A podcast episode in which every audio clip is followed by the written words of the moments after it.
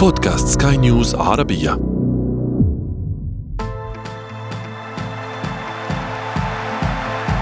أثير الكرة.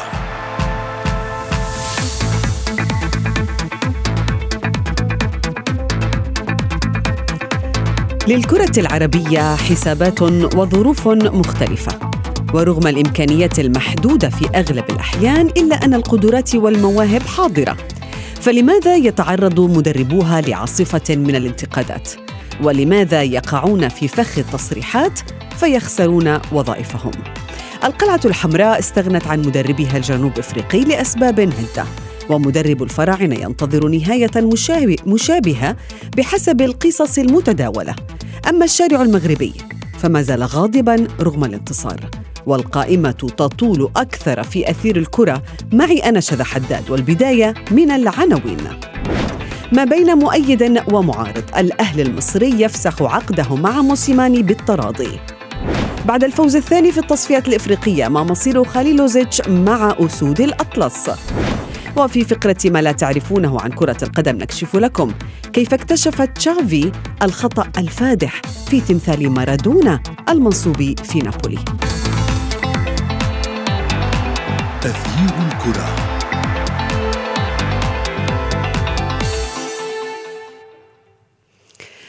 أهلا ومرحبا بكم مستمعي الكرام في حلقة جديدة من أثير الكرة وفيها نقلب ملفات شائكة لبعض الأسماء الكبيرة التي تسلمت مهمة ليست سهلة على ما يبدو في عالم كرة القدم مهمة التدريب التي ارتبطت بالكثير من الأحداث الدرامية في ملاعبنا العربية رغم زخم الاستحقاقات.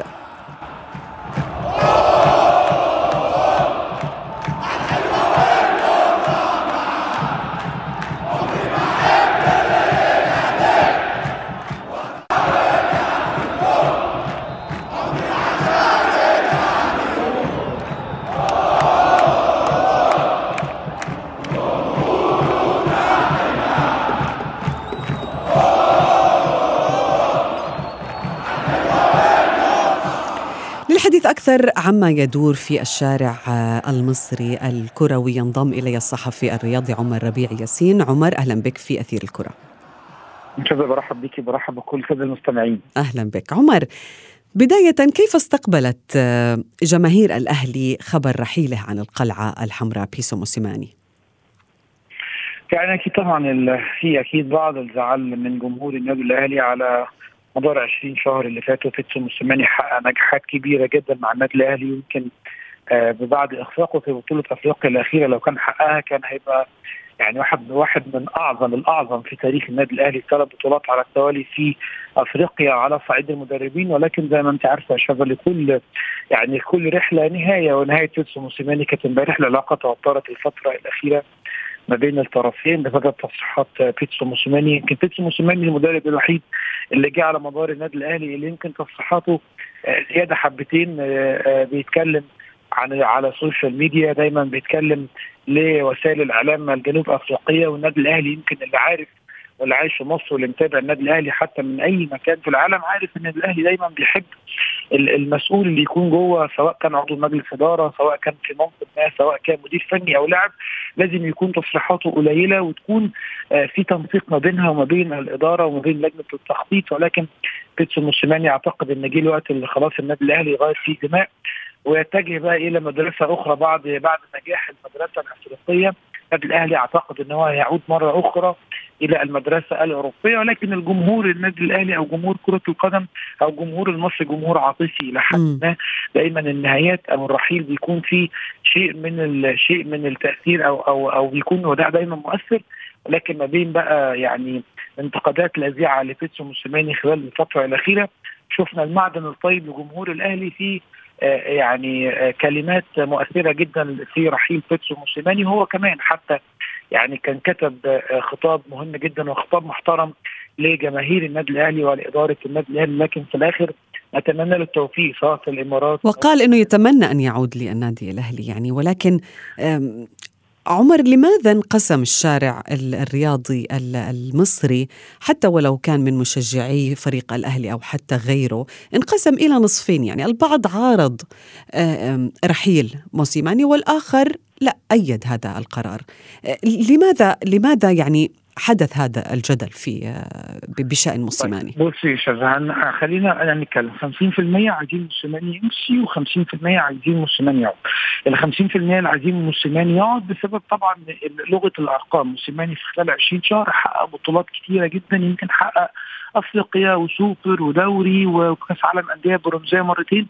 فموسيماني كأرقامه جيدة جدا جدا جدا. بيعرف يلعب على قد الإمكانيات بيعرف يلعب على قد الإمكانيات اللي موجودة في لعبة النادي الأهلي. طبعا إحنا عارفين إن النادي الأهلي الفترة الأخيرة أو مصر بشكل عام أو كرة القدم بشكل عام يمكن حتة المواهب فيها تأثرت. ولو قارنا الجيل الحالي بالأجيال السابقة في النادي الأهلي. هنلاقي إن الجيل الحالي هو أقل آه، جيل مواهب في تاريخ النادي الأهلي عن الامكانيات اللي كانت موجودة قبل كده ولكن ال 50% اللي كانوا مطالبين أو أو طلبوا إن موسيماني يرحل موسيماني يمكن ما قدمش كرة القدم اللي جمهور الأهلي بيحبها ما قدمش الشكل اللي هو عايزه كمان في تعاقده مع اللاعبين المحترفين م. أعتقد انه لم يتعاقد مع اللاعبين بشكل يعني يعني بشكل مطلوب آه، لويس ميكيسوني بيرسي تاو آه، آه، لعيبة كثيره جدا من اللعيبة اللي إحنا شفناهم ما كانوش على قد المستوى اللي إحنا دايما أو أو كنا دايما بنشوفه يعني لو على سبيل المثال مع مع مانو جوزيه ما كنا بنشوف طبعا لما كنا بنشوف فلافيو كنا بنشوف جيلبرتو كنا بنشوف ناس كتيرة جدا من المحترفة اللي كان بيكون ليها تقل وبيكون لها تاثير مع النادي الأهلي. ده افتقدناه. افتقدنا طريقة اللعب الهجومية اللي إحنا كنا بنشوفها. افتقدنا النادي الأهلي بيوصل أربع ماتشات ورا بعض في بطولة الدوري العام. بيتعادل تعادل سلبي. الأهلي عنده مشكلة عنده عقم هجومي عنده حكم تهديفي. بيتعاقد مع بيرسي تاو لاعب ومهاجم وجناح. في نفس الوقت طبعا بنلاقيه بيلعبوا بيلعبوا راس حربة. فده كان كل ده آه، آه، آه، عليه علامات استفهام. التعاقد مع لويس ميكسوني أيضا التعاقد مع بعض اللعيبة اللي ممكن الاهلي يتعاقد معاها ولويس وبيتسو موسيماني يهملها. زي التعاقد مع حسام حسن. سموحة جاي من النادي يمكن متعلق فيه جدا وهداف بطولة الدوري العام وراح لمنتخب مصر في أكثر من تجمع. بيتسو موسيماني لا يعتمد عليه تماما. نفس القصة بالنسبة للاعبين وسط الملعب نفس القصة بالنسبة للاعبين في خط الدفاع. فكان في بعض علامات الاستفهام على مستوى النادي الأهلي وعلى المستوى المطلوب من اللعيبة المحترفة. طيب بعيدا عن هذه الفنيات الكثيرة التي ذكرتها عمر ولكن إذا ما كنا آه، يعني سنتحدث عن شخصية هذا المدرب. البعض قال بأنه تصريحاته الكثيرة اتهاماته لعب دور الضحية أيضا لعب دور بارز في وضع خلاف بينه وبين المسؤولين وبينه وبين اللاعبين وهذا عجل من رحيله. هل هذا صحيح؟ طبعا صحيح 100% أنا قلت أنا أنا أنا أنا قلت لك من الأول يا شبه إن تصريحات بيتسو موسيماني الوحيد اللي جه في تاريخ النادي الأهلي لاعب ومدرب اللي تصريحاته كتيرة جدا. اولا بيطلع يتكلم يصرح كتير جدا في وسائل الإعلام الجنوب افريقيه ودايما بيتكلم في حاجات أعتقد إنها تخالف قيم ومبادئ آه، آه، يعني مش بس مصر أعتقد الدول العربية كلها بنفس الوقت لما بيتكلم تصريحاته يعني يعني بدون الخوض فيها كان كان اتكلم في فترة قبل كده عن حاجة ليها علاقة بالتأثير الكحول على لاعب كرة القدم وإن اللاعب المصري أو اللاعب العربي بنسبة 80% الحاجات دي كلها أنت عارفة إن هي لا تتناسب مع عاداتنا وتقاليدنا. ده رقم واحد. رقم اثنين بيتكلم ودايما بينظر بلغة بلغة الشارع المصري على النادي الأهلي على اللعيبة وعلى تصريحاته. دايما بيكون ما فيش تنسيق ما بينه وبين النادي الأهلي. لازم لما يطلع نعم. يتكلم لازم يكون عارف مصالح يتكلم في إيه. ما ينفعش دلوقتي إن أنا أطلع أتكلم وأقول إن إدارة النادي الأهلي بتدار بالسوشيال ميديا. حتى لو ده أمر صحيح لازم يكون ده في الغرف المغلقة. وهو ده اللي بيميز النادي الأهلي يا شاذلي يعني النادي الأهلي أكثر ما يميزه دايما إن الأسرار بتكون جوه جوه غرف الاجتماعات ما بتكونش طالعة للسوشيال ميديا. لكن لما بيتسو موسيماني أعتقد يكسر القوانين مش بس مرة ثلاث أربع مرات الاداره تطلع تتكلم معه وتنصحه وتقول له ما ينفعش لازم يكون في تنسيق. وان وإن دايما الكلام الكتير بيخرج اللعيبه عن تركيزها وان الكلام الكتير إحنا كإدارة بنخرج عن تركيزنا وبنبقى بس مش عارفين إحنا المفروض عندنا هدف محدد هو الفوز بالبطولات.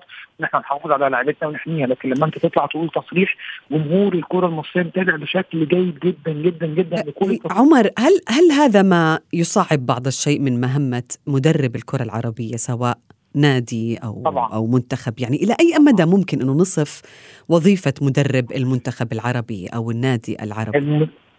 المدرب اللي لازم يبقى موجود في منتخب عربي كبير أو في نادي عربي كبير لازم يكون عنده من الذكاء ومن الحكمة اللي تخليه يعرف لما يجي يتكلم يعرف هو بيقول إيه ويعرف لما يجي يصرح على السوشيال ميديا أو يستخدم أداة السوشيال ميديا يعرف هو بيقول إيه أو بيعمل إيه علشان إحنا إحنا كعرب الحاجة الأولى اللي بتخلي الناس أو بتخلي الجمهور يتعاطف مع المدرب ويكسب المدرب هو الكلام اللي طالع من بق المدرب. الكلام اللي بيطلع منه هو ده اللي بيخلي الجمهور يكسبه. لو لو المدرب لو المدرب اللي موجود في منتخب عربي أو في نادي عربي ما عرفش يكسب الجماهير أعتقد بتكون مهمته صعبة جدا جدا, جداً. وقد يؤثر ذلك بالفعل.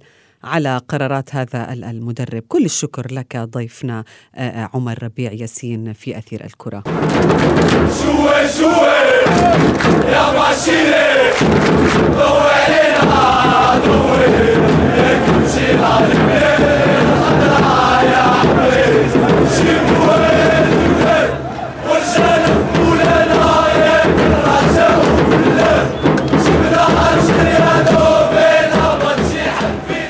من أنه المسؤولين في آه، عالم كرة القدم العربية في أغلب الدول يفضلون اختيار المدرب الأجنبي لربما على المدرب الوطني أو حتى العربي. لكن أحيانا نلاحظ بإنه أغلب إنجازات الكرة العربية جاءت على يد مدربين محليين وأحيانا أخرى نشاهد بإنه المدرب الأجنبي لا يحظى بهذه الثقة. ليس كل مدرب أجنبي يليق بسمعة هذا المنتخب الذي يدربه، ولكن ما يجري في منتخباتنا العربية وفي الأندية العربية هو أمر مختلف، ظروف وتوقيت مختلفة لكل فريق أو لكل منتخب. نتحدث عنها مع ضيف الذي ينضم إلي الآن الصحفي الرياضي يوسف الشاطر، أهلا بك يوسف.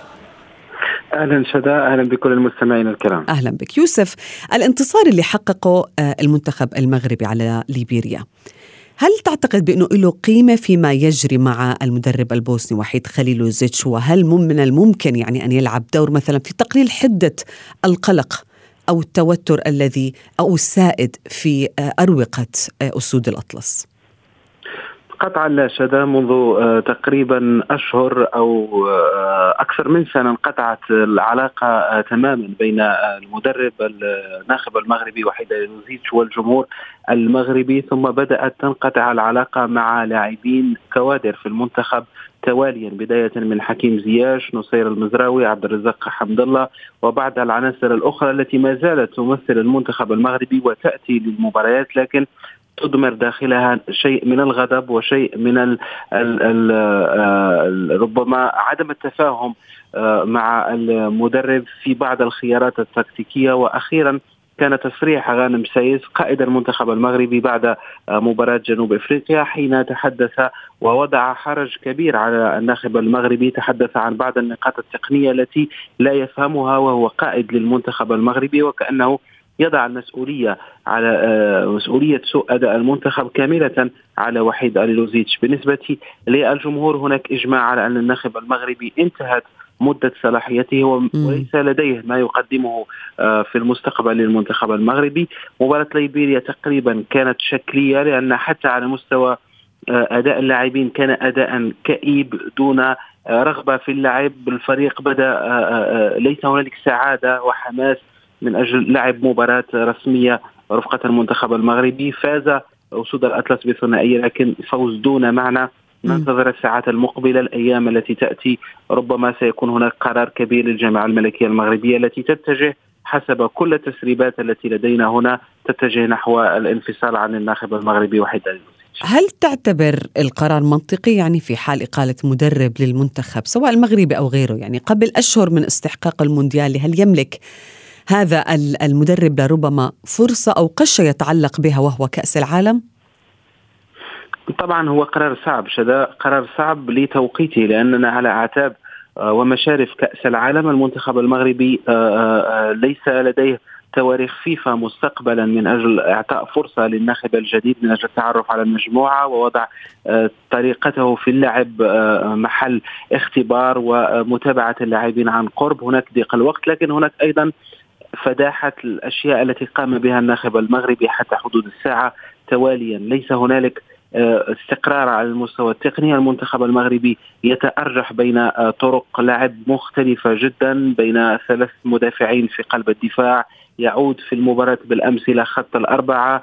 الأسماء التي تشارك تتغير باستمرار. عندما ضغط الجمهور المغربي وأراد أن يشاهد آه، لاعبي الوداد يحيى عطية الله ويحيى جبران وأيضا أشرف داري قام وحيد باستدعائهم وكانها لحظه ضعف منه في توقيت صعب بالتالي كل هذا يعطينا ربما صورة أن قرار أننا تأخرنا كثيرا في تبديل المدرب.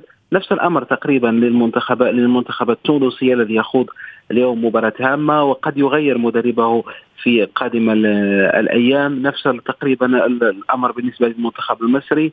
يبدو لي هناك مشكلة في البداية في اختيار المدرب ثم في توقيت الاستغناء عنه. أم ابقائه لأن التأخر فقط يضع الاتحادات في ورطة. في مأزق خصوصا بأنه إحنا نبتعد أشهر قليلة يعني عن أهم آه، يعني استحقاق على صعيد كرة القدم. ولكن نعرف بأنه كل منتخب مختلف عن الثاني كل فريق آه، له شكل مختلف عن الآخر. ولكن إذا أردت أن تدرب منتخب عربي ما هي الأمور اللي يجب أن تتفاداها؟ دعنا نقول بشخصيتك بعيدا عن الفنيات كابتن يوسف. فنيات لربما آه، يعني لها جانب كبير في عالم كرة القدم ولكن الشخصية القرار هي لربما أهم خصوصا بأنه إحنا نتحدث عن ملاعب كبيرة مثل ملاعب المونديال.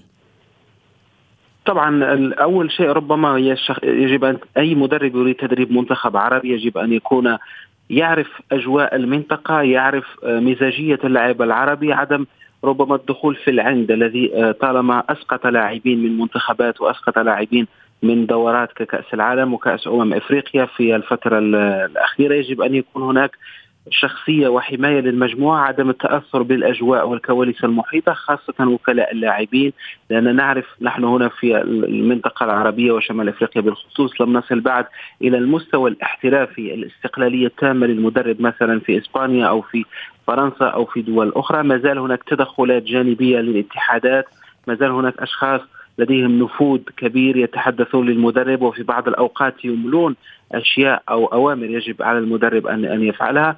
يجب أن الإنسان يتحلى بالذكاء وأن لا يكون عنيد في وقت من الأوقات لأن العند هو جزء من مشكلتنا مع وحيد حاليلوزيتش آه، هنا في المغرب لأنه بعنده آه، آه، أخرج حكيم زياش من لائحة المنتخب ونصير المزراوي وعبد الرزاق حمد الله وأسماء أخرى. وبعد تصريح غانم سايس ربما قائد المنتخب سيكون له نفس مصير هذا الثلاثي الذي صار مغضوب عنه من جانب وحيد قبل أن يعيد في الفترة الأخيرة نصير المزراوي.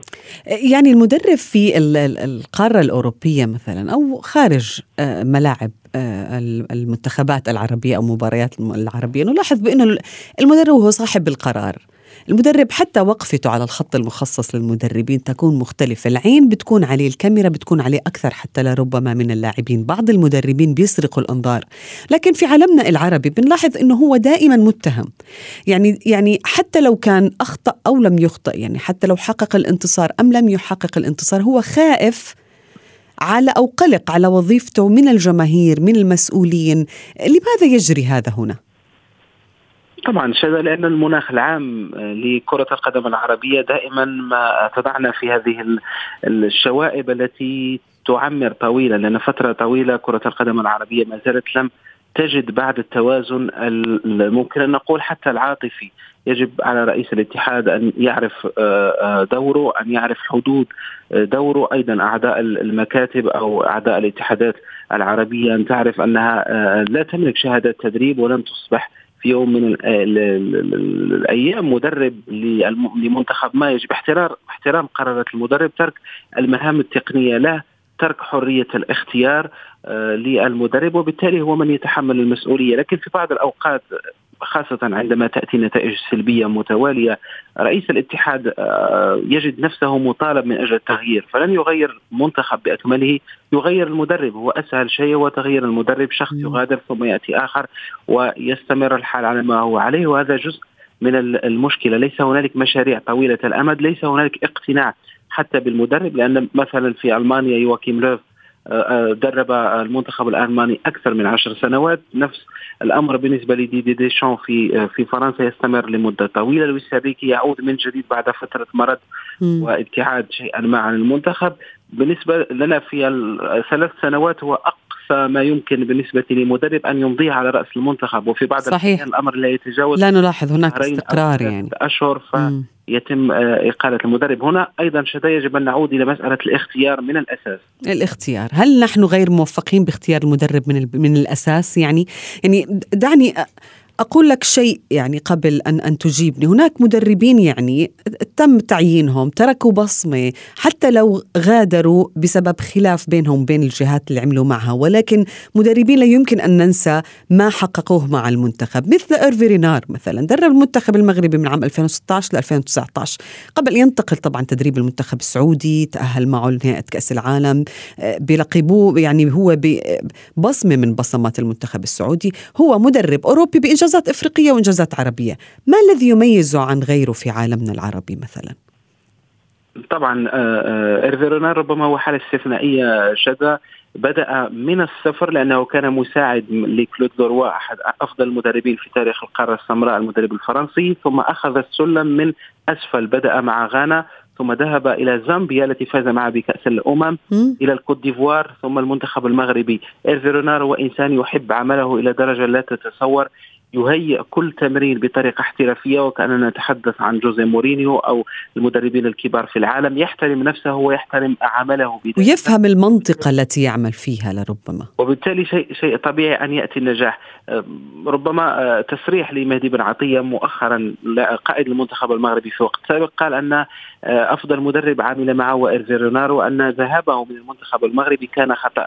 للأسف أنه غادر بعد كأس أمم إفريقيا 2019 وما يحقق السعودي شيء يظهر ما جودة هذا المدرب وأنه ذهب إلى بيئة ما زال يكتشفها لأنه لم يسبق له درب أن يدرب في الخليج إلى أنه نجح في فهم العقلية، استوعب الأجواء، يعرف قيمة هذا المنتخب وقيمة اللاعبين وانسهر سريعا في ربما في البطولة أو الكرة السعودية. عكس مثلا عندما يأتي مدرب يريد أن يطبق هو ما يريده أو يريد أن يلائم المجموعة فرضيته ونظريته يصبح الأمر صعب شيئا. ما لذلك أقول دائما دائما أن الذكاء هو المنطلق الأساسي لأي مدرب كي ينجح صحيح. في أي بطولة أو مع أي منتخب. نعم، كل الشكر لك الصحفي الرياضي يوسف الشاطر، شكرا لك.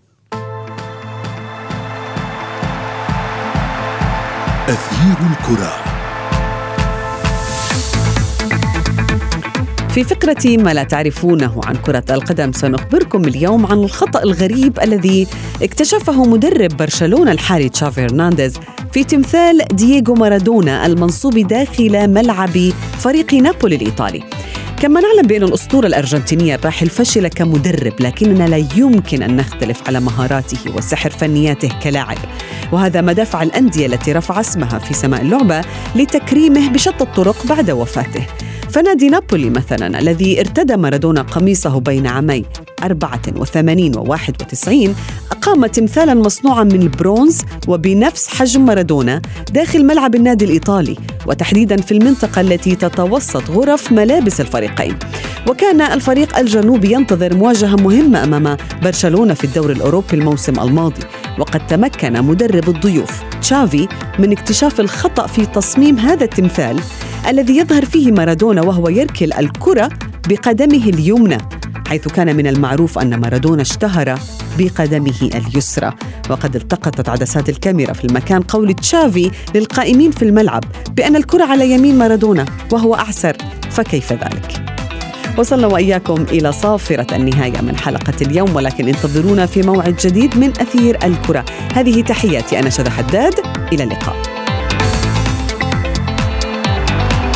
أثير الكرة.